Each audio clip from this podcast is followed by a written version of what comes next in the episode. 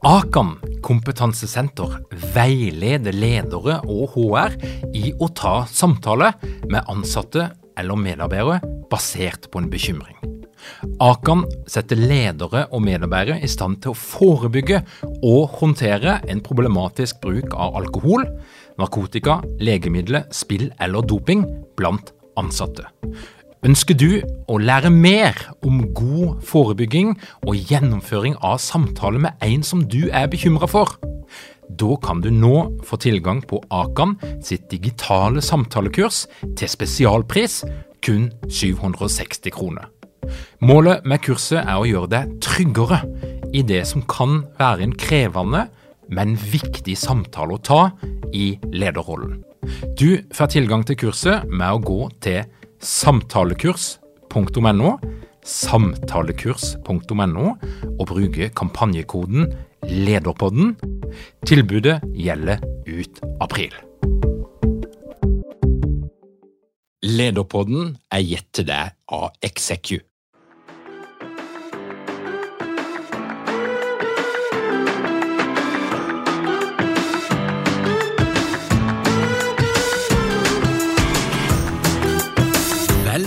Velkommen til Lederpodden. Mitt navn er Tor Åge Eikerapen. Jeg jobber som organisasjonspsykolog med leder- og ledergruppeutvikling. Og dette her er en podkast om ledelse. Og er din aller viktigste ressurs som leder ja, da vil nok mange svare at det er jo de menneskene du leder, og på sett og vis er kanskje det riktig, men det er òg helt feil! Din viktigste ressurs, det er tid, og din evne til å forvalte den tida på en måte som skaper mest mulig verdi for det du prøver å få til. Og det å ta kontroll på din egen tid har kanskje aldri vært vanskeligere.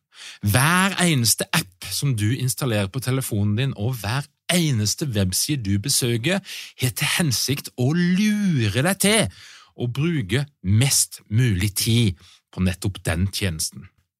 Innboksen din blir aldri tom, og møteinnkallelse hagler inn ifra alle kanter. Og I tillegg så skal vi jo ha et liv i balanse. Vi skal rekke barnehagen før han stenger, vi skal ta vare på relasjonene, på helsa vår, og vi skal leve et godt og meningsfullt liv. Petter Kjøs Utengen han er gründeren av Flex, Norges største tilbyder av abonnement på bil. Han er òg kjent for å være en mester og en nerd når det kommer til det å forvalte tid og oppmerksomhet på en optimal måte, og det ryktes òg at han er klart å gjøre dette her til en del av kulturen i Flex. Men først noen ord fra vår sponsor. Hei, mitt navn er Cecilie Ysnes Myhre. Jeg håper jeg ser deg på vårens utgave av lederprogrammet, da jeg skal undervise om selvledelse. Velkommen til Lederpodden, Petter. Tusen takk. Tusen takk. Petter, hva er det som er din faglige lidenskap som driver deg hver eneste dag i lederjobben din? Ja, det kan man nesten si er så mangt, men jeg, jeg, jeg har jo en sånn underliggende eh, faglig lidenskap som handler om eh, systemer, struktur og systemutvikling, som jeg tror eh, egentlig er det underliggende for alt jeg driver med. Eh, så hvis man snakker om innovasjon og gründerskap og, ledelse og alt, så er, det liksom det underliggende. Men jeg Kanskje det, den lidenskapen jeg er mest kjent for, er at jeg er veldig opptatt av mennesket og, og hvordan, hva mennesket har muligheten til å utrette. Og, jeg lever i den tro om at vi, vi, har muligheten til å få til så mye mer enn det vi egentlig klarer. Mm. Fordi vi på mange måter er fanget i, en, i noen etablerte sannheter rundt hvordan, hvordan, vi gjør ting, hvordan arbeidslivet er satt opp, strukturert, hvordan, hvilke typer verktøy som eksisterer. Og, og altfor mange sier at de, de har altfor mye å gjøre. Selv om jeg tror at hvis du tar arbeidet og fordeler på et helt år, så tror jeg faktisk ikke arbeidet er så mye som mange, mange tror. Så, så, jeg er lidenskapelig opptatt av tid, kan jeg, vel, kan jeg vel si at jeg er. Vi skal snakke mer om tid, men du må si litt om Flex. for Dette her er jo en, en litt spesiell historie. Det er jo et eksempel på det som eh, noen på NHH kaller den tohendige modellen, altså der noen ganske tradisjonelle, gamle selskaper putter masse penger inn i en utfordrer som til slutt kan risikere å utkonkurrere de. Og Hvorfor putta Bertel Osten og Sparebank1 masse penger i en tjeneste som egentlig kan til slutt konkurrere de ut av markedet?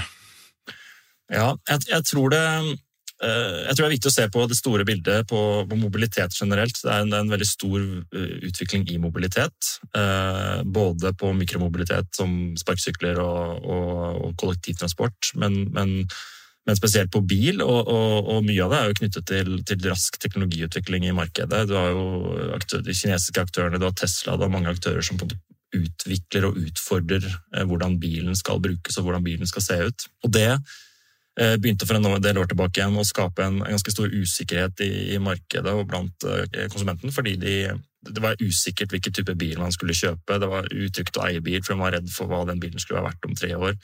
Vil en bil som har rekkevidde på, på, på, 20 mil, ha, være avleggs om to år? Ikke sant? Dette akselererte vel et, et behov for større fleksibilitet i, eh, i bil. Da. Og, og eh, folk begynte å stille spørsmålstegn rundt um, om, om, det er riktig at bil skal liksom være den andre store kapitalvaren i, i livet som man liksom binder seg til.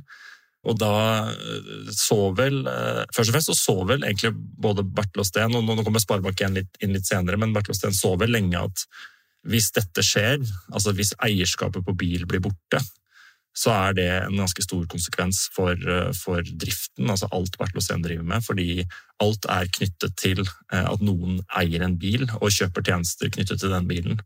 Eh, og når vi begynte å jobbe med det caset i, 2018 eh, og begynte å liksom lobbyere det internt og etter hvert få det ut, så, så, så, tror jeg nok eh, dels at vi var veldig flinke til å pitche dette her, at vi fikk det, til fikk det gjennom, men jeg tror den andre delen er at jeg, jeg tror Bertil Osten så at her er det viktig å være på eiersiden. Her er det viktig å eie istedenfor å, å stå på utsiden og se at noe på sikt vil kannibalisere deler av, av driften. Da. Og så eh, gjorde de altså eh, den her eh, genistreken som mange mener det er, da, og istedenfor å starte noe internt i Bertel Steen innenfor den eksisterende kulturen, den eksisterende strukturen, så bidrar de til å etablere et helt nytt selskap som er langt utenfor lokalene til Bertel Steen. Hva, hva slags vurderinger var det som lå til grunn for at du valgte den modellen? Nei, altså For min del så um, eh, Jeg startet jo i, gikk jo over i Bertelåsten i, i 2018 og, og, jobbet med noen, noen, andre typer konsepter som var litt mer eh, litt nærmere tradisjonell bil, eh, bilhold. Da. Og målet i veldig mye om dagen handler jo liksom om dette med å skape dette økosystemet rundt kunden og, og, og få et quote on quote eierskap til, til kunden da, for å kunne selge inn andre typer tjenester. Eh, men så så jeg og, og, flere av de som var på mitt team, at uh, her, er, her, bommer man litt på det man prøver å, prøver å lykkes med. Man, kundene er opptatt av noe annet enn det man klarer å tilby.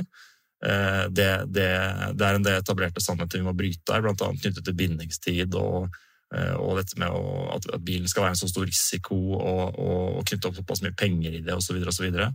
Um, men så så vi samtidig at det, det var helt umulig å å gjennomføre en sånn type eh, innovasjon eller disruption på, på innsiden av en såpass eh, tradisjonell aktør, fordi det også er i så stor konkurranse med, um, med eksisterende, den eksisterende detaljisten, blant annet, som, som, Flex er i, i 100% konkurranse med. Eh, og Derfor så, så, var egentlig vår eneste, det vi anså som vår eneste mulighet, var at Steen gikk inn som en Eh, investor på utsiden eh, og, og, og, la pengene i et selskap som fikk lov til å operere uavhengig, da, eh, og, og, da i direkte konkurranse med egen drift. Så det, det er jo en sånn Det har vært en utrolig spennende reise og, en litt sånn rar relasjon til Bertil Osten, fordi man, det er på en måte de som tør å satse, og, og satse på deg og, og, stole på at du, du, skal levere, samtidig som du egentlig skal gjøre alt du kan for å konkurrere ut Eh, deres viktigste melkeku, da, for å si det på den måten.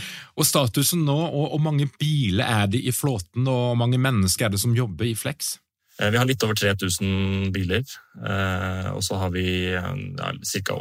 80 mennesker da, som jobber, jobber, i selskapet. Så det har, gått, det har gått fort, for å si det sånn.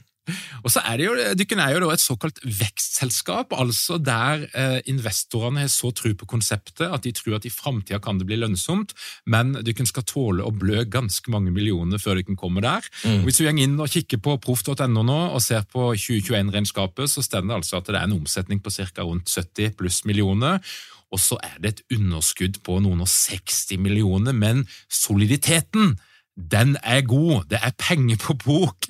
Men åssen er, er, det som leder og gründer å ha den rollen du har, og, og, ja, og, skal tape såpass mye penger? Altså, Du kan ha svidd av nærmere 90 millioner siden, siden, oppstarten, og du skal sikkert rykke ut litt mer. Åssen er det? Ja, eh, det, altså Som leder av et, vekstselskap så kjenner jeg tror alle kjenner veldig på det. Uh, selvfølgelig, Hadde du ikke kjent på det, så er man i feil rolle. Uh, man skal kjenne, Det skal gjøre litt vondt når, når, man bruker investorenes, investorenes penger. Samtidig så tror jeg vi alle er veldig klar over at denne typen innovasjon vi, vi driver med, den, det er jo å agere på en, en endring i markedet, og, og, den typen endringer det skjer ikke over natta.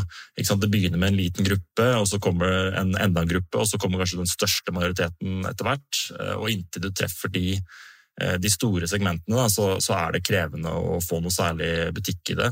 Eh, så, så, så, man må på en måte akseptere at det er et maraton, og, og, og, og, på en måte stå litt i den dritten at, eh, inntil man, eh, man, lykkes, inntil man kommer forbi den, den, delen av etappen. Og da jeg tror vi som, eh, som driver dette fra, fra Flexens side, og, eierne våre, de, de har så stor tro på at dette kommer til å skje, eh, og at, vi, eh, og det, er, og det er viktig at vi tar den posisjonen. At de pengene man, man svir av, da, det, det, er en investering som, som, kommer til å betale seg til, tilbake. og nå vil jo 2022 også være et, et vesentlig tapsår for Flex, men, men, nå er vi rett rundt hjørnet break-even for første gang. og det, det, det, nærmer seg, og vi ser jo at markedet har flytta seg veldig mye det siste, siste året. så men, eh, men, du skal kjenne det i magen når du svir av uh, penger, mye penger som, som, eierne har valgt å investere i selskapet du driver. Men Det betyr at du har jo noen investorer som, som hele tida følger med på i hvilken grad du kan gjøre jobben og du klarer å oppnå de resultatene som er satt. Altså, det hviler jo vanvittig mye ansvar på dine skuldre, Petter. Um, og jeg vil jo tenke at en vesentlig faktor for om du skal lykkes, det er kultur, og det er ledelse, og det handler om åssen du velger å bruke tida di. Ja. og da er vi på din store lidenskap. Kan ikke du fortelle litt, før vi liksom går inn i, i, boksen din med, med, masse gode triks og verktøy, eh, hvordan endte du opp som en fyr som er såpass interessert i tid, og hvordan du bruker tida di? Ja, jeg har reflektert en del over hvor det startet. Jeg tror det startet eh, eh, Det startet i Norwegian for mange mange, mange år siden. Eh, så, så, så Norwegian er jo kanskje ikke så mye nå lenger, men når jeg begynte der for, for, mange år siden, så var det jo en slags forvokst startup, det også. Som hadde gått veldig fort, og som hadde vokst veldig raskt. Og hvor du på en måte blir et, overlatt veldig mye til deg selv for å løse en del, eh, del oppgaver. Um, og når jeg begynte der, så kjente jeg veldig mye på dette med at, um, at jeg hadde mye mer å gi enn det man klarte å utrette. Uh, og at man uh, veldig mye av arbeidsdagen gikk bort i liksom, uh, ting som egentlig ikke tok meg noe særlig videre. som ikke klarte å utvikle noe. Og så og så, så jeg at det sånn her er det mulig å automatisere, her er det mulig å ta noen av de liksom litt sånn repetitive oppgavene man, gjør, eh, man gjerne gjør i junior-delen av livet sitt, eh, og, og, automatisere det. Eh, og så har jeg alltid vært veldig, veldig teknologiinteressert og hatt stor, alltid hatt stor kompetanse innenfor måte, hva, som, hva, som, rører seg og beveger seg innenfor um, teknologi, og, og, alt fra liksom, apper og software og, og verktøy. Da. Og så så jeg liksom at de siste, egentlig de siste 20 årene så har det kommet så mange verktøy, så mange, så mange muligheter innenfor teknologi som gjør at vi på, på en eller annen måte kan, kan, bygge en slags forlenging av oss selv, eh, for å sette litt på spissen, hvis man, hvis man eh, hvis, ja, som, er mulig, mener jeg. Og da startet en litt sånn personlig eh, misjon for å lage et system som gjør at man eh, eh, klarer å ta ut mye større eh, kapasitet av egen, sitt eget liv. få gjennomført de tingene man faktisk setter seg, setter seg mål om, og ikke minst kanskje klare å ha tid til andre ting også. Jeg har jo fire barn, så jeg har jo for meg også ekstremt viktig med familietid og, ta vare på de rundt meg. Så, så, så, det å klare å gjøre flere ting på mindre tid er, vært en veldig viktig del av, del av det. da. Og Du har da bygga et system selv. Jeg blir jo kjempenysgjerrig på hva, hva, hva er det, hvis, hvis, vi starter liksom på, det, på, det, mest basale, det enkleste, hva, hva, hva handler dette her om? Jeg tror, jeg tror, det enkleste Jeg tror alt eh, med, med effektivitet Og så er jeg liksom litt, litt, opptatt av å påpeke det før jeg går inn på det. fordi det er veldig mange som snakker om tidseffektivitet, eh, og det er et ord som jeg ikke, egentlig ikke er så glad i. fordi det handler egentlig ikke om at du skal bruke all tilgjengelig tid til å få gjort noe. Mm. Det handler vel så mye om å få gjort de tingene du må gjøre på kortere tid, sånn at du har tid til å eh, tenke, eh, slappe av, reflektere, være med familien. Så det er vel så mye det, mm. få, få, den, få den, balansen.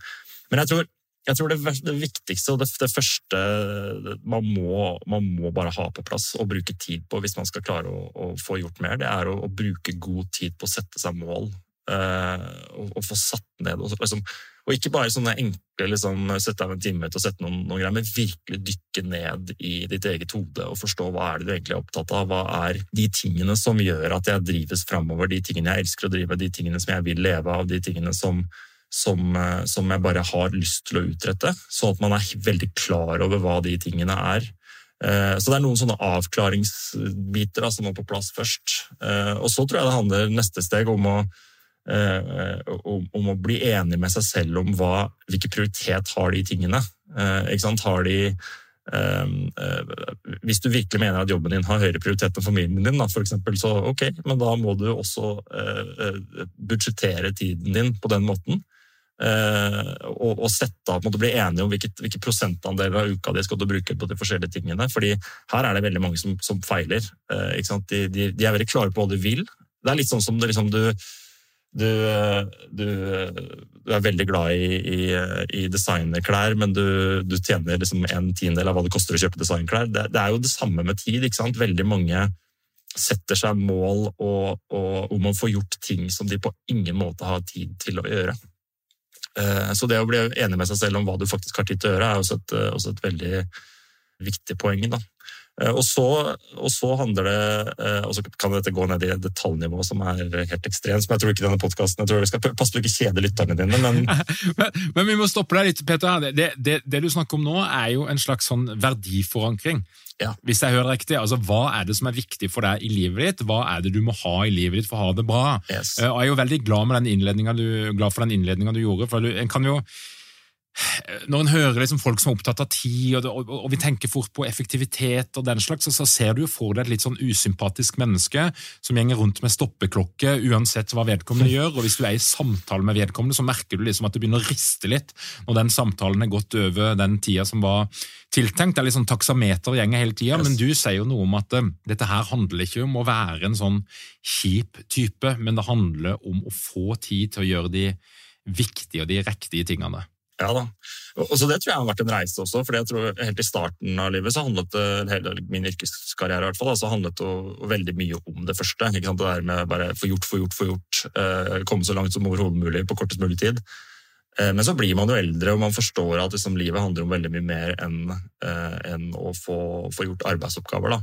Eh, og er derfor jeg tror den verdiforankringen som du helt riktig kaller det, er. da, Fordi man må det er jo et maraton. Man må være klar over hvilken retning man løper eh, før man skal liksom begynne å effektivisere den, den, veien. Og det er jo veldig kjedelig hvis du klarer å liksom oppnå eh, stor kapasitet og stor effekt i det arbeidet du gjør, men du ender opp et annet sted enn dit du ville. Mm. Det er en veldig kjip, kjip greie å, å oppleve. Så så for meg er det kjempeviktig, og, og, og, det handler på ingen måte om Jeg tror de som kjenner meg, de vil aldri se på meg som en fyr som liksom ikke har tid til å, til å slå av en prat eller eh, til å sette seg ned. Det er ikke det det handler om. Det handler mye mer om eh, det handler mye mer om det å være intensjonell. Det å, det å liksom ha en intensjon med det du gjør. Og, og, det at du, når du faktisk setter ned ned for å jobbe, så vet du hva du skal jobbe med, og du vet hvor lenge du skal jobbe med det.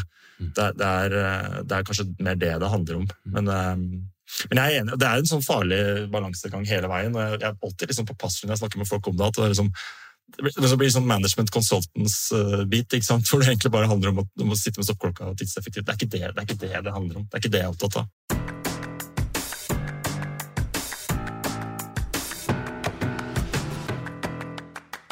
Men, men eh, Petter, tilbake til målene. da. Rent praktisk, hvordan, hvordan, jobber du med det? Er det bare noe som flyter rundt i hodet ditt? Skriver du det ned i et eller annet system? Hva, hva gjør du?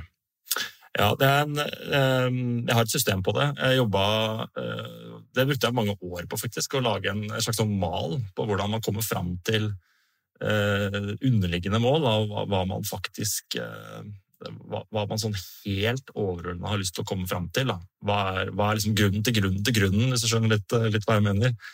Um, så det er et, et, et, et, slags kart jeg har laget, som, uh, som, jeg bruker uh, Jeg pleier å sette meg et kvartalsmål for min egen del, og så, og, og så er det ofte knytta opp mot familiemål og jobbmål og alt mulig rart. Men, uh, men, men, jeg tror det som er viktig med det kartet, er at det er knyttet opp til et mer langsiktig bilde. Så Hvis du hele tiden setter mål på liksom, eh, et kvartal fram i tid, så kan du fort ende opp med å, å ikke egentlig bevege deg nærmere noe. Du, bare, du når noe, men du når, du når, egentlig ikke det som er viktig. Så, så det er et system, en, en, øvelse som jeg, som jeg, gjør, og som jeg også har gjort med mange andre. Uh, og hjulpet andre med, som er alltid en gøyal øvelse, fordi du lærer veldig mye nytt om deg selv når du går litt i den dybden da, som er helt, du er helt avhengig av. Er det noe spesielt hjelpemiddel? Skriver du ned på et papir? Kan du, kan du gi oss bare litt sånn hint på, på hvordan dette her funker? Ja, jeg er veldig glad i mindmapping, da. Uh, altså brainstorming, uh, og bruker veldig ofte det som et verktøy. Spesielt på mål, uh, målplanlegging og sånn, så, så jeg, bruker jeg ofte det fordi det, er veldig vanskelig å skrive mål lineært. Og bare liksom jobbe fra begynne på A og så slutte på Å. Det, det er fryktelig vanskelig. så du må du må på en måte jobbe i en litt sånn ustrukturert form først. Og så, og så spørre og spørre og spørre og spørre, og spørre helt til du liksom klarer å komme til kjernen. Og så strukturere det opp igjen på en måte som gjør at ok, dette henger sammen, dette fører til dette som fører til dette. Um, så, så jeg, mindmapping er min måte å gjøre det på, men jeg har liksom laget en struktur på det mindmappet som gjør at, um, at det ikke tar tre år da, å gjøre den jobben, men, men kan ta en dag da, for, for nye mennesker å gjøre noe sånt på. Og, og nå eh, blir jeg nysgjerrig på hvordan, hvordan ser denne strukturen ut? Man gi, gi noen hint, og, og, gjerne del de målene som du nå har satt deg for tida framover? Ja, um, Målene mine som jeg har satt nå, er, noen av dem er veldig personlige, så jeg tror ikke jeg skal dele det på en podkast, men, eh, men eh, det, jeg, jeg, for min del da, så, så, prøver jeg å skille um, Jeg kan ta det litt som jeg skulle gjort det for noen andre. da, Så handler det veldig ofte om å stille opp i Eh, Mange setter seg store mål eh, og, og langsiktige mål. Og noen mål er så langt fram i tid at du, du, det er vanskelig å liksom kvantifisere hva det egentlig betyr. da. Eh, å oppnå, Det kan være en eller annen jobb du skal oppnå i framtiden, eller et eller annet økonomisk mål eller et eller annet familiemål. Det kan være så stort at det er veldig vanskelig å, å kvantifisere det. Um, så det jeg pleier å gjøre, er at jeg, jeg prøver å liksom, Hvis du først setter deg noen langsiktige mål, og så går du litt tilbake til din egen situasjon og så sier du ok, hva er egentlig det, hva er de områdene du uh, er i nå? Hvilke type kategorier er det du er i hvor du faktisk har muligheten til å påvirke det? På en eller annen måte. da. Det kan jo være ikke sant, du er, Jeg er far, for eksempel. Jeg er leder. Uh, ikke sant, jeg er teknolog. Uh, altså Jeg har mange sånne Eh, mange sånne kategorier eller ansvarsområder hvor jeg faktisk har et, som, som kan ses på et slags verktøy for å påvirke retningen, da, for å komme seg videre. Eh, så det, så det, jeg ofte pleier å gjøre, er å først sette disse veldig langsiktige overordna målene, så gå ned i, i, måte, hva, hvordan ser det ut her og nå, hvilke, hvilke type områder er du, hvilke type ansvarsområder har du, hvilke type skillset, kompetanseområder har man. Eh, hvilke trenger du å kvitte deg med? er et viktig spørsmål. Og hvilke trenger du å tilegne deg for å, å, å kunne klare det? Fordi er også sånn interessant ting med veldig mange som slår meg igjen og igjen, er at det er veldig mange som sitter og drømmer om veldig store ting, eh, men det de driver med i dag, liksom, det, er, det, er, ikke nærheten av å ha måte, kompetansen eller skillsettet for å komme dit. ikke sant? Mens du er jo egentlig bare å tilegne seg det. Altså, det er jo Eh, hvis man drømmer om å ta en, hvis man, liksom Det viktigste i hele livet er å nå dette kjempestore målet, eh, og så sitter du av og til og vurderer om du skal ta en eller annen tilleggsutdannelse eller sånt for å komme dit. det er sånn, I mitt hode så sier det seg selv. Altså Hvis du, hvis du skal dit, ja vel, da må du gjøre det. Um, så, så gjøre den jobben, og det er på en måte på det nivået, på disse ansvarsområdenivåene, det er der man setter de litt mer sånn kortsiktige målene. Hvor må du komme liksom innen en viss tid? Hva, må du, hva må du ha lært deg, eller hva må du ha oppnådd, eller for, for Flex sin del, for eksempel, da, hvor må Flex være? Da, om, om, om tre-fire måneder for at, vi skal liksom, for at både skal henge sammen med hva Flex prøver å oppnå, men også hva jeg prøver å oppnå som, som leder av Flex. Um, så det er den typen ting. Og så er jeg veldig opptatt av at disse målene er kvantifiserbare. at jeg er liksom de er, de må kunne, du må kunne si jeg er ferdig med dette målet. Altså, jeg har gjort det. Jeg har gjennomført det. Så, så trening, for eksempel, det, er, det, verste jeg vet, er når folk sier jeg skal trene mer. Det er sånn Hva betyr det?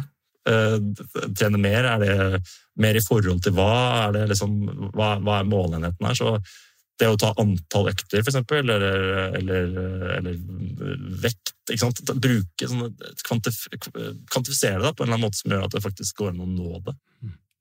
Og når vi har målene på plass, da, er det, er det, er det, en, er det en, app, dette her? Sånn, det finnes jo sånn mindmappings-app. Er, er det det du bruker? Ja, eh, en, jeg bruker en mindmapping-app som heter MindNode. Men det finnes jo tusenvis av de, så det kan du bruke hva som helst. Men MindNode er min, eh, min foretrukne, mitt foretrukne verktøy der. Og når du beveger deg videre ifra når liksom dette her grunnlaget ligger på plass, som vi er mer på en måte inn i hverdagen, hva, hva slags system og verktøy er det du bruker for å få det til? Jeg tror det, viktigste verktøyet alle må ha, er en eller annen form for task manager, et eller annet eh, format. Da. Et eller annet oppgavebehandlingssystem hvor alle tankene og ideene og oppgavene og prosjektene og alt du gjør på personlig plan. Da. Mange har det jo i jobbsituasjon, men på personlig plan ligger. Det kan godt være en, en bok, eller en, en altså notatbok, men, men, det må være et eller annet system hvor du har det i. Uh, og, og det, man, det, det, det, som er trikset, det som er det store trikset, hvis du prøver å ta alt dette ned i en veldig sånn kondensert versjon, er jo Målet her er jo å klare å knytte det overordna langsiktige målet ned i uh, de daglige ansvarsområdene du har, ned i hva du må gjennomføre, og helt ned på hva du må gjøre på daglig basis for å til slutt nå det. Mm. Det er jo på en måte det man er ute etter her. ikke sant? Så, så fort du har det kartet da, om, om, hvor du skal på plass, så handler det veldig mye om den og Det er også en, en, en øvelse man må bli god på etter hvert. Da, men det er liksom det der med å jobbe på liksom, okay, Hvis det er et mål, det er et slags prosjekt eller et eller annet outcome da, du må oppnå, ikke sant? og så må du jobbe deg derfra og ned til de, egentlig bare gå til mållinjen, snu deg rundt og se tilbake igjen og se okay, hva oppnådde jeg for å komme hit. Eh, hvilken type oppgave, hvem var det jeg snakka med, hvilke type ting var det jeg lærte meg. Eh, og komme seg ned til en så stykke det så opp at til slutt så handler det egentlig bare om å slutte å tenke og bare å gjennomføre. ikke sant? Når du har gjort den jobben, så er det egentlig da har du en to do-liste foran deg, en veldig avansert to do-liste, men en to do-liste foran deg, og så er det egentlig bare å gjøre oppgavene. og Hvis matematikken går opp, så når du målet ditt. Det er litt sånn enkelt sagt, da. Eh, og så er det selvfølgelig mye mer komplisert når du begynner, men, eh, men det er liksom den strukturelle måten da, å, å, å, ta den ned på. Eh, Eh, kalender og en task manager. Og så er det jo en haug med teknikker da, imellom der som jeg, som jeg er veldig, veldig, opptatt av. Jeg tror jo En, en, en stor feil folk gjør, eksempel, er jo at de, eh, de, bestemmer seg for å gjøre en eller annen stor oppgave, og så setter de inn på to do-lista si, men de allokerer aldri tid til å gjøre den.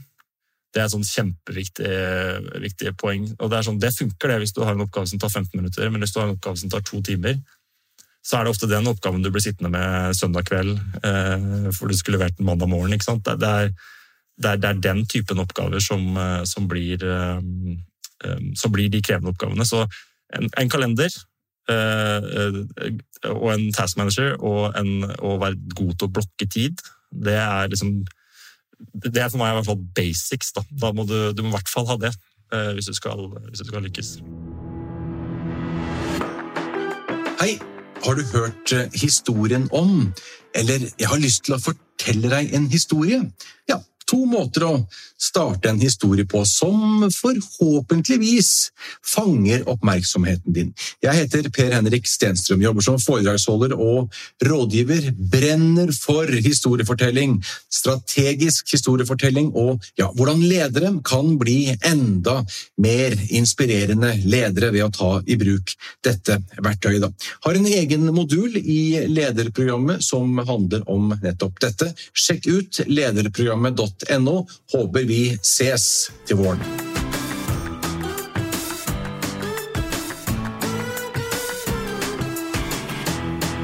Jeg får med meg at det er en diskusjon der, for det er noen som mener at det dropp to do-lista og bruk kalenderen som ei to do-liste. altså Før det rett inn. Ja. Eh, ikke bruk to do-lista som en sånn mellomstasjon. Og så er det jo en diskusjon. altså Jeg har drevet i mange år og prøvd å finne de beste to do-listene. og så har nå endt opp med den enkleste eh, av de alle, som er den som Apple har ferdig installert, i tillegg til noen andre ting. Men, men hva, hva, slags system er det du eh, bruker? Her, nå er vi veldig på det tekniske her, men jeg er nysgjerrig. Ja. Jeg må alltid passe meg litt det er sånne samtaler for ikke bli for nerdete, men når du spør, så skal jeg svare. Jeg bruker noe som heter Omnifokus. Ja. Det er vel kanskje det som ser på som det mest avanserte, men, men jeg er veldig enig i jeg mener jo egentlig ikke dette er en diskusjon, fordi det er egentlig ja takk, begge deler. Altså Det handler om at på et plan så trenger du bare en veldig enkel to do-liste. Eh, og på et annet plan så trenger du kalenderen din. Eh, sånn som jeg har gjort det. Hvorfor jeg bruker Omnifokus, er fordi jeg har funnet ut etter årevis med forskning eller på mitt eget sinn at oppgaver som tar under 45 minutter, de kan du bare gjøre de hører hjemme på en uh, hvilken som helst to do-liste eller et ark. Sant? Fordi de bare, Det er bare når du har tilgjengelig tid, så kan du gjøre dem. Mens oppgaver som er over det, det må du sette inn i kalenderen din uh, og sette av tid til. Fordi de tar mer tid, de trenger fokus, de trenger å ikke bli forstyrra når du gjør dem. Ikke sant? Det, er en helt annen type oppgave. Så jeg er enig i det. Jeg er enig i at du egentlig trenger bare en veldig veldig enkel to do-liste for de enklere oppgavene, og så trenger du en kalender for de mer kompliserte. Men, men når det begynner å bli såpass mange oppgaver som jeg har i min to do-liste, så, så, må man ha et system bak det. Noe som automatisk eh, filtrerer det, ellers så ville det vært veldig krevende å holde oversikt over. Da. Ligger det noe automatikk inne her? Er det noe, er det noe Har ikke mange ledere uten trening eller utdannelse innen ledelse? Mangler dere en felles kultur og praksis for ledelse? Ønsker dere å være bedre rustet for fremtidig vekst og endring? Da kan et internt lederutviklingsprogram være en god investering. I Execu så er vi eksperter på å designe og gjennomføre bedriftsinterne lederutviklingsprogram. Hvis du ønsker å lære mer om hvordan vi kan hjelpe dykken til å få enda bedre ledere, ta og klikk deg inn på execu.no.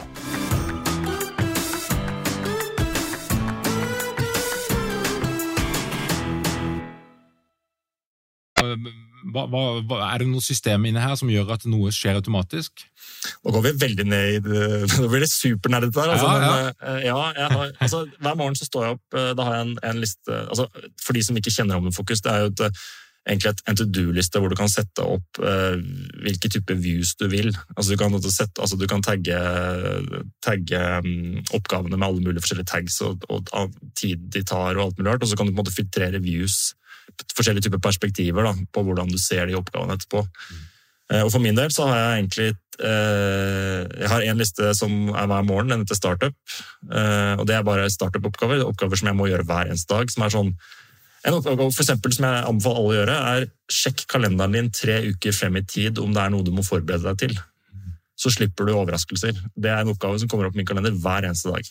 Og så er det type sånn liksom kontering av regnskap, sånn, sånn som alle, kontering av fakturaer, sånne ting som alle må gjøre i bedrifter som dukker opp. Eh, og så er det eh, Jeg er jo veldig opptatt av dette innboksperspektivet.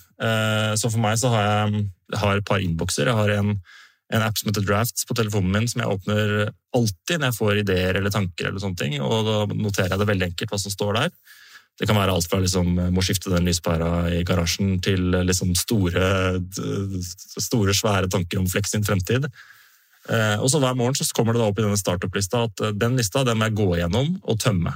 Så jeg må faktisk prosessere det. da. Er det en oppgave som må inn i oppgavelista, eller er det en eller annen tanke jeg må gjøre noe med, eller er det noe som må inn i en agenda i et møte, eller, osv. Og, så videre, eh, og så tømmer jeg e-posten min, gjør akkurat det samme. Mm. Bare tømmer den til null og sier at ok, her dette er en oppgave, dette kan bare pælmes, dette må svares på, osv. Og, og så bare rensker jeg liksom all input. Så, så, når jeg begynner dagen, så er all input borte. Eh, og, og, på en eller annen måte prosessert. Og så åpner jeg ikke e-posten min igjen før langt utpå kanskje på ettermiddagen. Nei, så der, der, må jeg stoppe deg. Der har vi altså en vane. Eh, Peter, nå ser jeg på den og hører Ut ifra hva jeg har hørt nå, så er du i ferd med å bli min produktivitets- uh, og tidsguru. Så, så, og det jeg hører da, det, det, er jo noen rutiner og noen vaner. Den gjennomgangen der på morgenen, det er en vane. Og så hører jeg at du er faktisk vanvittig flink med e-posten din, altså. Så du sjekker kun e-post på morgen og ettermiddag, hvis jeg skjønner riktig? Ja, det. Men det er jo fordi jeg har tømt den. Fordi det med e-post er jo en litt sånn usikkerhet òg, fordi man er redd for at det har dukket opp noe som, som du bør ha adressert. Da. Eh, og jeg vet jo når jeg er ferdig med den e-posten på morgenen, at det nå er alt fra, i hvert fall fra gårsdagen adressert. Og om det skulle dukke opp noe i løpet av, altså, Hvis det dukker opp noe i løpet av klokken ni og klokken tre, da, for eksempel, eh, som måte, eh, Flex ville, ville, rase sammen av, så forventer jeg at noen ringer meg. ikke, sender meg en e-post, eller snakker meg, da, vi har jo Slack også i Flex. Så uh, ikke, ringer, ikke sender det på e-post. Så, så jeg, jeg, er veldig sånn trygg på at det, og det har heller aldri skjedd, jeg er veldig trygg på at det kan jeg, kan jeg liksom legge til side. Og så, Det er også en grunn, altså det er jo litt sånn altså Du er organisasjonspsykolog, dette vet du mye bedre enn meg, men jeg tenker jo på, på uh, det er noe med at eh, E-posten blir veldig ofte en to do-liste for folk. Eh, og en to do-liste som styres av andres agendaer. Så selv om du har satt opp hvordan du vil at din dag skal gjennomføres, så, så eh, har du oppe en, en to do-liste som, som, altså i lys av en e-post som andre kan sende oppgaver til gjennom hele dagen. Altså, det er jo helt galskap. Altså, det bør, bør vi absolutt ikke ha oppe. fordi du må følge din egen agenda, og så må du, må du må man måtte kunne forvente at ok, greit, jeg kan svare på det om seks timer. ikke sant? Eller jeg kan se på det om seks timer hvis det er noe som haster. Og e-post, det mener jeg er sånn eh, det er noe veldig mange bedrifter må ta seg sammen på. fordi der, det, der går det bort mye produktivitet. Åh, Det er godt å høre. altså, det er godt å høre. Og er, er, det noen, er noen, noen løsning på det? For det, dette her er jo Eh, jeg opplever jo at vi har fått massevis av verktøy og hjelpemidler som, som vi, vi, vi, må, vi, trenger noen tiår for å lære oss å bruke det på en fornuftig måte. Ja. For det er litt sånn fri flyt av alt mulig rundt forbi. Ja. Altså, Vi trenger jo også noen strukturer for å hjelpe oss. Og da lurer jeg jo på sånn som er e-post, hvordan, eh, hvordan løser du det på et mer organisatorisk nivå? Altså Hva slags kultur og systemer for e-post er det i Flex? Ja, vi, ikke, vi, bruker jo ikke e-post noe særlig, fordi vi bruker Slack. Jeg tror Det er steg én. Jeg tror, tror, Å ikke bruke, altså bruke et instant messaging-system er mye bedre enn å bruke et type e-postsystem. fordi E-post ender ofte opp med å bli um, det ender veldig ofte med å bli uh, noe som du ligger bakpå med.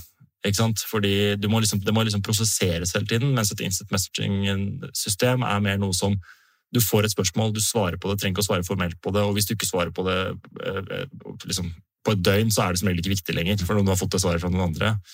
Eh, og så kan du stille inn Slack på en måte som gjør at liksom, det er mye lettere å filtrere hva du lar slippe gjennom og ikke slipper eh, gjennom. Da. Så jeg tenker den typen instant messaging-nivå er, er systemer er veldig mye bedre enn det, det mail er. Og så kan det også bli ganske forstyrrende, selvfølgelig, hvis man ikke håndterer notifikasjoner og, og den slags. Men, men, jeg tror det, det er eh, veldig viktig. Også, men så tror jeg e-post du kan absolutt bruke e-post, det er ikke det som er problemet, men jeg tror, må, jeg tror, vi mennesker er så enkle av og til at jeg tror nesten vi må sette opp noen barrierer for oss selv for å begrense oss mot e-post. Og det fins jo i dag ganske mange gode verktøy på det der. Altså, du, kan, du, har jo type sånne fokusapper som gjør at du kan blokkere e-posten din i enkelte tider. Du kan f.eks. si at du ikke kan åpne e-posten din mellom 11 og 2, f.eks. Eh, så Det er jo et triks du kan gjøre for å bare lure deg selv til å rett og slett ikke åpne e-posten. Fordi det går på automatikk. ikke sant? Og til kan du åpne e-posten til å tenke over at du har gjort det en gang. Og så tror jeg det er veldig viktig å skille Jeg er jo ikke så veldig fan av sånn som Outlook, og sånn, som har eh, e-post og eh, kalender i samme tjeneste. Det er i mine øyne en, en, et sort hull som er veldig farlig. fordi Da må du inn og sjekke kalenderen, og så når du sjekker kalenderen, så sjekker du ofte e-posten i tillegg, og så er du i gang. ikke sant? Så det å skille de to tror jeg er veldig, veldig viktig. Men jeg, jeg, tror man må lure seg selv, eller bygge vaner som gjør at man, man ikke har den der, Det er litt sånn som Facebook og Instagram, og at man liksom bare automatisk åpner det uten å, uten å tenke over at du åpner i gang. Mm. Det er veldig farlig. Du må blokkere det. Det finnes masse apper for det. Skjermtid på eh, telefonen kan brukes til det. Altså, masse muligheter for å gjøre det. Men du må ta grep, og du må bestemme det, og, og du må ta over makta rett og slett yes. over de her appene. Yes. Ta tilbake kontrollen. Yes. Og da regner jeg med at Når det gjelder notification center, og alt sånne ting, så er, er du er slått av absolutt alt, vil jeg tippe. Ja, stort sett. Jeg er veldig glad i disse focus modes. Jeg vet ikke om folk har oppdaget de ordentlig ennå, men de er, de er, jo kjempefine. Eh, jeg har, eh, jeg har et jobbmodus som er på når jeg er på jobb. Da slipper stort sett alt av eh, liksom, jobbting gjennom. Også, men selvfølgelig med ganske lite notifications. Da. Noen notifications har jeg også, men det er ting jeg trenger å få vite om. Og på ettermiddagen så er det litt, det er litt der også. Det er sånn, det er jeg mener jo at det, det, er jo ikke sånn at, eh, at jeg har klart å skape et sånn perfekt sinn som, eh, som, ikke lar seg lure av noen ting. Altså, jeg må lure meg selv av og til til å, til å være en bedre versjon av meg selv, og det, det handler om å bruke teknologi. ikke sant? Så, så for eksempel på klokka fra klokka fem på dagen, da har jeg et mode som heter kvalitetstid. Eh, og da skrus bare alle, alle folk i jobbsammenheng av. Alle notifications, absolutt alt. Skjermtid skrus på, så jeg ikke kan gå inn på mailen min. altså Alle mulige sånne type ting. Som bare blokkerer meg fra å, å, å være en, en, pappa som, som, som er for opphengt i jobben sin. Da. Fordi jeg vet med meg selv at jeg også blir Sånn er vi jo skrudd sammen. Altså, vi, vi, vi, er vi slitne, så kan vi fort ende opp med å åpne e-posten på alle døgnets tider, jeg også. Men um, stort sett så fungerer dette, fungerer dette veldig bra. Ja, spennende, altså. Eh, eh, en ting Peter, som jeg blir veldig nysgjerrig på, det er jo um, hvordan du forholder deg til andre folk, uh, og hvordan du i øyeblikket klarer å sortere på hva du skal si ja til, og hva du skal si nei til. Det er mange som sliter med å si nei til innkallelse, til forespørsel, til alt mulig, og nå begynner du altså å bli såpass mange i selskapet ditt at nå akkumulerer det seg, og, og det blir mer og mer greie som du bli kontakta om. Um, og så er det jo en, Jeg er veldig glad i en kar som heter Michael Bungie senior. Han er en sånn um, coach-guru, og han er ett spørsmål da, som han uh, mener er et av de viktigste spørsmålene du stiller deg sjøl og andre, og det er jo hvis du sier ja til dette her, hva sier du da nei til? Ikke sant. Ja. Det er veldig viktig. Jeg, eh, for det, igjen altså, handler det litt om å tilrettelegge. Eh, fordi man, har, man, har, ikke sånn at man kan ikke Selv om jeg er veldig opptatt av personlig produktivitet og hvordan eh, jeg fungerer og folk, folk fungerer som, som individer, da, så er man jo leder og man er ansvarlig for 80 mennesker og man er ansvarlig for et selskap og man må tilrettelegge for at det fungerer. Og jeg ønsker å ha en kultur hvor jeg er tilgjengelig. Eh, og hvor jeg kan slå av en prat og, og, og en, liksom ha en litt sånn open door policy. Da.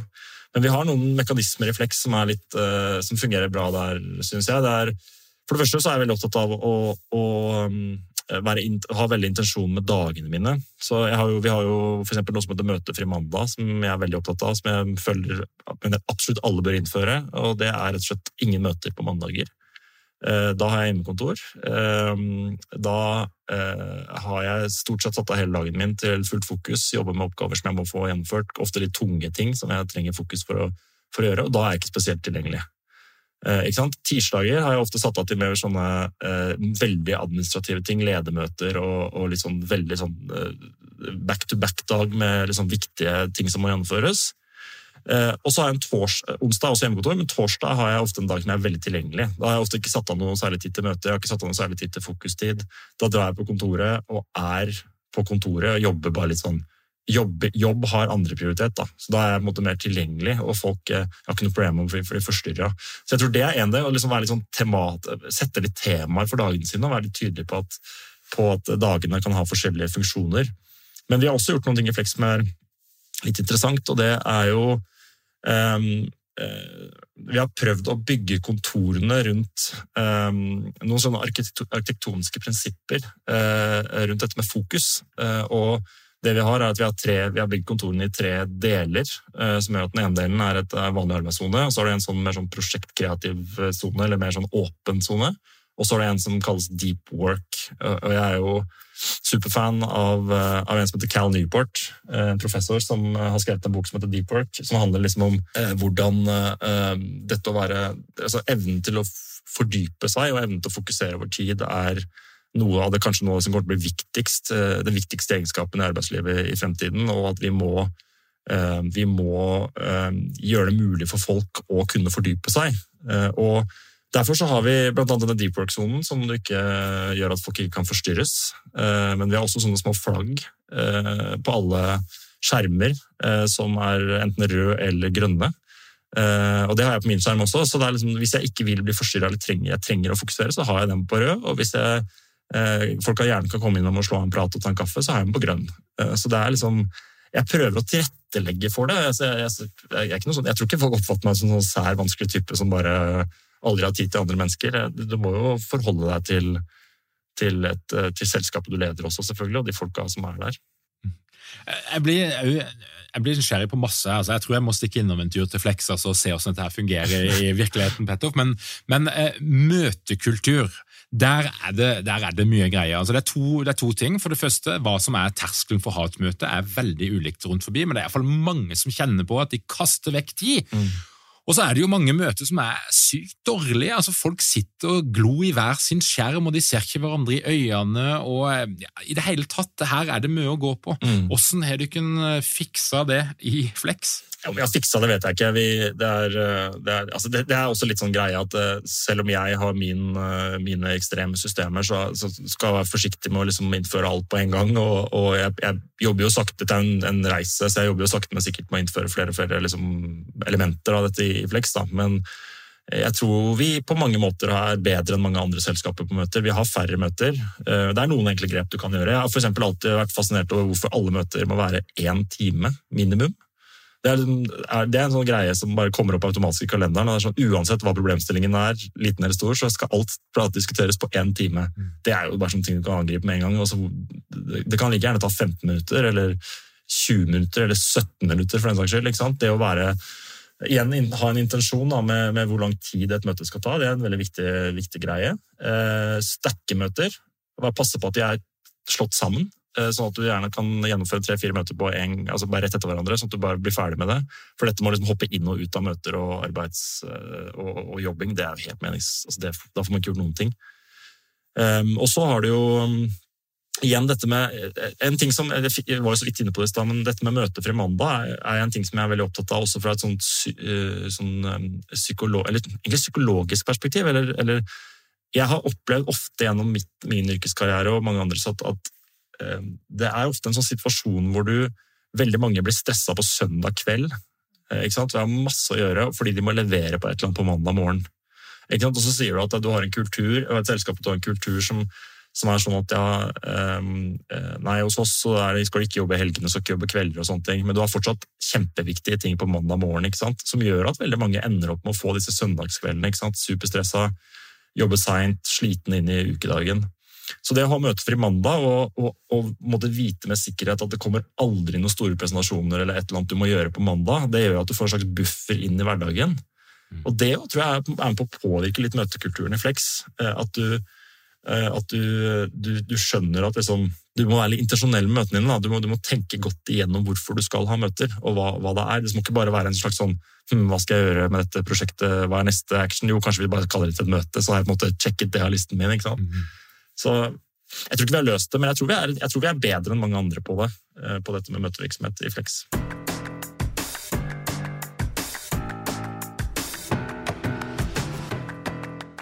Du Peter, hvis du skal liksom gi dine la oss si, tre-fire beste råd til ledere og Jeg hører jo at det, jeg, jo, jeg har jo ikke personlighetstesta det, men jeg vil jo anta at din grad av planmessighet er relativt godt opp og nikke. Altså, du har talent for dette, her, og du har et eller annet med deg som gjør at noe av dette her kommer litt lettere til deg enn til andre. Men hvis du skal tenke gjennomsnittsmennesket, gjennomsnittslederen, som jo ofte er kanskje litt høyere på struktur enn en resten av befolkninga, det er iallfall min erfaring, hva er dine beste råd til ledere som ønsker å ta litt mer kontroll på tida si? Ja, først og fremst at jeg, bare for å adressere det, jeg, jeg tror jeg på mange måter er et uh, litt surrekopp i bunnen, jeg også. Altså. Uh, men jeg har klart å utvikle noen systemer som på en måte skygger over det, de svakhetene jeg har. Da. Men uh, jeg, tror, jeg, tror, det første er det man må få mye større klarhet i hva man ønsker å oppnå.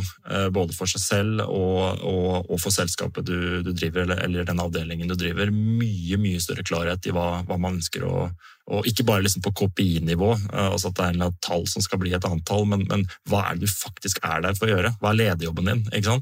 Det tror jeg er, er, er veldig viktig. Og så tror jeg det er kjempeviktig å, å, ta det nedover organisasjonen din og passe på at eh, folk vet hva man er ansvarlig for, eh, og, og hvordan de på en eller annen måte innvirker på de målene man har satt for, for selskapet sitt. Og så, og så bli enig med da Eh, disse om hvordan du da disponerer tiden for å komme dit. Fordi jeg tror du kan gå så langt du vil ned i disse detaljene som jeg har snakket om i dag, eh, og du kan bli så nerdete du bare vil, men jeg tror hvis du begynner der, så, så tror jeg du får, får, da faller folk av nesten umiddelbart. Så jeg tror man kan begynne med å bare snakke om disponering av tid. Mye, hvis du sier til en eller annen juniorressurs at du må fikse denne tingen her, som du ser på som en sånn timesoppgave, og så blir de helt oppslukt og bruker hele helgen sin og jobber i fire dager for de har lyst til å gjøre en god jobb. Bare være veldig tydelig på hva, hvordan folk skal disponere tiden sin. Det tror jeg er kjempeviktig. Mm. Og så når man har kommet dit, så kan man jo dykke ned i liksom, detaljene på, på, det å ta i bruk eh, Spesielt ta i bruk teknologi da, for å gjøre det lettere for folk å, å jobbe. Det tror jeg er, er veldig viktig.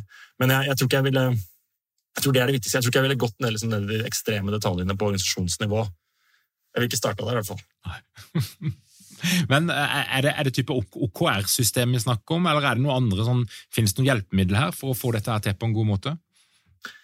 Altså, OKR er et bra, et bra, målsystem, men jeg tenker at det, hvilket målsystem du bruker, er egentlig ikke så relevant her. Mm. Uh, du kan bruke egentlig hvilket som helst. Uh, jeg tror det er bare viktig at det er uh, det, som, det, viktigste her er egentlig at du har klart å knytte de langsiktige overordna målene ned til de daglige oppgavene dine ansatte gjør.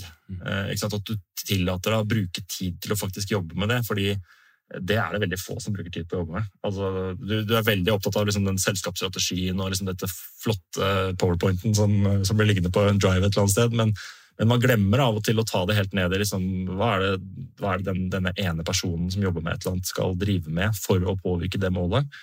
Å få gjort den jobben, det er kjempeviktig. Og der er OKR eh, absolutt viktig, eh, en veldig fin måte å gjøre det på, eh, som vil fungere. Men det er mange andre sånne typer verktøy òg. Så det er liksom jeg, jeg, tror ikke det, jeg tror ikke hvilket type målsystem du bruker er det aller viktigste. Men, men, men igjen, liksom, ta i bruk verktøy. Altså, det finnes så mange bra verktøy for, for altså, tekniske eh, prosjektstyringsverktøy og, og, ting som vil gjøre det lettere for de ansatte å, å oppnå ting. Da. Så, og så, er det selvfølgelig min, kanskje det siste, min Kanskje det viktigste av alt, eh, som jeg i hvert fall snakker om i Flex hele tiden, det er å la folka dine få lov til å fordype seg i ting. Ikke la de få en halvtime av gangen. Da du får denne eh, altså inn og ut av oppgaver hele dagen. Eh, det, det fungerer ikke. Du må la folk få jobbe med ting over tid. Eh, Peter, jeg har lyst til at du skal sende meg en liste over de beste verktøyene, bare sånn, bare sånn top of mind etterpå, som vi kan ha i shownotesene, for her er, er min nysgjerrighet er iallfall trigga, så jeg lurer litt på hvilke av de her systemene som, som du bruker. Så der har vi en avtale. Men, men, eh, hvis vi zoomer ut litt nå, du, du har jo da gått fra rollen fra å være en, en ansatt i, både i Norwegian og i Bertel Osten, til nå sitte med hovedansvaret eh, i en voksende virksomhet som vokser i høy eh, hastighet, og jeg vil jo anta at kompleksiteten eh, i det du holder på med, er vanvittig mye større i dag enn det han var for uh, før du starta. Mm. Hva, hva, hva, er det viktigste du har lært uh, i løpet av de her årene, hvis du skal prøve å trekke fram noe? Uh, ja, jeg tror det, Rundt lederskap er jo kanskje det viktigste her, fordi når man begynner arbeidet med en startup, så er man Vi var fire stykker. Man er ofte en kollega, selv om man på mange måter leder selskapet, så er man mer en kollega. Eh, og, du får ikke helt, den, får ikke helt det, liksom, det organisatoriske hierarkiet eller autoriteten du, du, du, For det første så kan du du kan ikke helt gjennomføre den på samme måte, fordi du, det handler veldig mye om å motivere og det handler om å bygge og få folk til å tro, liksom være, tro på vekst, vekstreisen og, og, gjøre den jobben. Eh, men så har jeg liksom sett at når du er med på en vekstreise, som Flex har vært, så, så, måten du må lede selskapet på, endrer seg ganske fort og hyppig. Så De første året hvor det bare var liksom fire til ti personer, så var det på en måte én Da var det mer sånn teamleder eh, på det nivået. Eh, og så plutselig så blir du 30 stykker, så må du kanskje begynne å bli litt mer avdelingsleder. nesten. Du må få litt organisasjon, og du må bygge på en litt annen måte. Og så plutselig, fra den veien, så blir du en, en organisasjon med, med, med fem-seks avdelinger og, og, en ledergruppe. Og, og, da Jeg tror det er kanskje min største læring, og som jeg, jeg tror uh, veldig mange hadde hatt nytte av å være med på, for jeg syns det har vært kjempekrevende til tider. Det har vært liksom det å Du er den samme personen gjennom hele den reisen. Du er den samme, du er den vennen som du var helt i starten, kompisen, kollegaen. Du, du er det gjennom de, de fire, alle de fire årene vi har opplevd, men allikevel skal du gå fra å være en, en, liksom en, en kompis, venn, kollega, til å liksom bli toppleder og, og med en helt annen type autoritet og, og hierarki i selskapet. Da. Men det er gjerne de samme menneskene som har vært med hele veien. Det er en veldig veldig læringsprosess som jeg tror det er veldig vanskelig å lære noe sted, annet enn å, å, å bare gjøre det, rett og slett. Eh, men det har gitt meg veldig mye, fordi jeg har måttet grave dypt i, i min, mitt eget hode og egen, mitt eget hjerte for å, for å klare å ta den, ta den reisen da, og, og, forandre meg underveis på så kort tid. Mm. Eh, det er en ting til som jeg er veldig nysgjerrig på. Det handler litt om noen tidligere episoder av Lederpodden. Og, og min erfaring når jeg jobber med oppstartsselskapet, det er jo at det er en diskusjon som kommer ganske kjapt, og det er ofte, blir, det er ofte min inngang. Og det er jo autonomi på den ene sida Mm. og kontroll og styring på den andre sida. Og det å klare å finne sin plass imellom de her to ytterpunktene. Hva, og, og spørsmålet til deg er jo noe sånt som hvor mye struktur trenger eh, Flex for å fungere optimalt, når det ikke nå er såpass mange ansatte? Altså, Henne er det liksom det perfekte, den her sweet spoten mellom full autonomi, kaos og eh, byråkrati, Ja. som jo kanskje er liksom den der, eh, der du ikke ønsker å være. Du trenger struktur i form av eh, tid, eller, eller check-ins. da. Så, så I Flex så har vi jo sånne, vi jobber jo cycles, seks ukers cycles. Eh, så vi er jo på en måte to typer selskaper. Vi, vi har to uker hvor vi er et selskap hvor du har mye mer struktur og mye mer, eh, mye mer planlegging og mye mer eh, måte, strategi. Og så har du seks uker hvor vi er egentlig eh, 100% autonome. Hvor makta er flyttet ned til organisasjonen, og hvor de har muligheten til å ta beslutninger, og hvor de kan egentlig bestemme selv hva som, hva som skal gjøres for å oppnå de målene de skal. Så jeg tror, jeg tror ikke det er ett svar på det. Jeg tror det er, tror det er to. Det handler rett og slett om at du må finne, finne ut når skal du være. Når skal du ha den strukturen som trengs for å bygge strategisk og bygge langsiktig, og når skal du ha den strukturen som gjør at du kan få eh, autonomi da, på, den, på den måten. Fordi vi eh, Jeg tror jo Flex er der de er i dag fordi vi har lykkes med akkurat dette. Vi har lykkes med å ta ganske stor risiko. Eh, Samtidig som vi overordna hele tiden har passet på at vi har hatt nok fleksibilitet i det vi utvikler, både teknologisk og organisatorisk, som gjør at vi Ja, det oppleves som veldig stor risiko å la selskapet få være autonome, men samtidig så, så har vi en retrettmulighet, stort sett, eller vi har en eller annen måte å justere, justere på, både teknologisk og organisatorisk, eh, for å lykkes. Da. Så jeg tror du kan bli ganske stor og fortsatt være veldig autonom, eh, så lenge du har planen klar. Altså Strategien er tydelig, planen er klar, og organisasjonen er, er satt på riktig måte. Da. Og Da lurer jeg på hvor mange ledere med personalansvar finnes det i Flex i dag? Eh, Vi har en, vi er en ledergruppe på seks stykker. da. Eh, Så det er stort sett de som har personalansvar i dag, og så er det noen under. Så det er vel totalt ni, kanskje? Åtte-ni stykker. Ja. Som har et eller annet form for person, personalansvar på enten teamledernivå eller, eller avdelingsnivå. da. Og Hva tenker du om, om den størrelsen på antall ledere? Nei, Det som er tydelig, er jo det at når man vokser så fort som vi gjør, da, så, så um, det er, Jeg tror det er ingen selskaper i verden som har lykkes med å liksom bare Du starter et sted, og så blir det en organisasjon på veien, og så ser man seg tilbake etter fire år og så sier man at vi er helt perfekt organisert. Fordi det oppdager vi jo nå, at det er ting som glipper, og det er ting som det er, det er ansvarsområder som ingen har. ikke sant? Det er ting som noen burde hatt ansvar for, men ingen har det. Så jeg tenker jo at man, Det er helt naturlig at man, når man kommer til det nivået Flex er på nå, så, så trenger man å gjøre noen sånne reviews av og til på liksom, er organisasjonen satt opp på riktig måte.